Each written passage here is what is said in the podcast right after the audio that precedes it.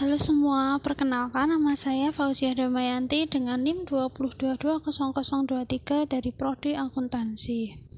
Di podcast kali ini saya akan menjawab soal UAS nomor 5. Soal UAS nomor 5. Soal yang pertama, jelaskan dengan baik gambar di bawah ini. Pada gambar tersebut menggambarkan sebuah tren pada bidang ICT yang muncul pada tahun 2009 ada delapan hal yang akan menjadi tren perkembangan NCT pada teknologi informasi. Yang pertama, evolusi industri memori. Industri ini menjelajahi kemajuan mengikuti pertumbuhan kecepatan mikroprosesor dengan meningkatkan produktivitas produk dan teknologi canggih.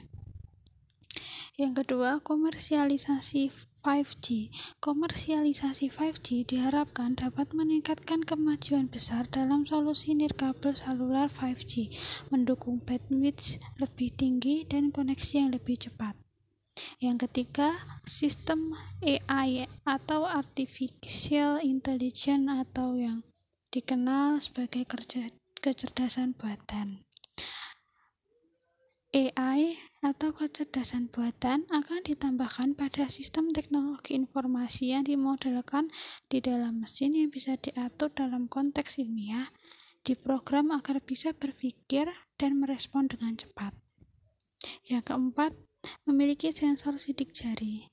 Sensor sidik jari bisa ditemukan di smartphone dengan tujuan untuk memperketat keamanan pada smartphone. Yang kelima yaitu perangkat teknologi yang bisa dilipat. Pasar smartphone meningkatkan spesifikasi dengan model yang berdesain layar penuh, ringan, mudah dibawa, dan tidak memakan banyak tempat. Yang keenam, IoT atau Internet of Things. IoT adalah program yang memiliki kemampuan mentransfer, mengendalikan, dan berkomunikasi dengan berbagai perangkat melalui jaringan internet dengan cara menyambungkan sesuatu yang tidak dioperasikan atau tanpa memerlukan interaksi dari manusia ke internet. Yang ketujuh, cloud computing merupakan media penyimpanan data yang menggunakan jaringan internet.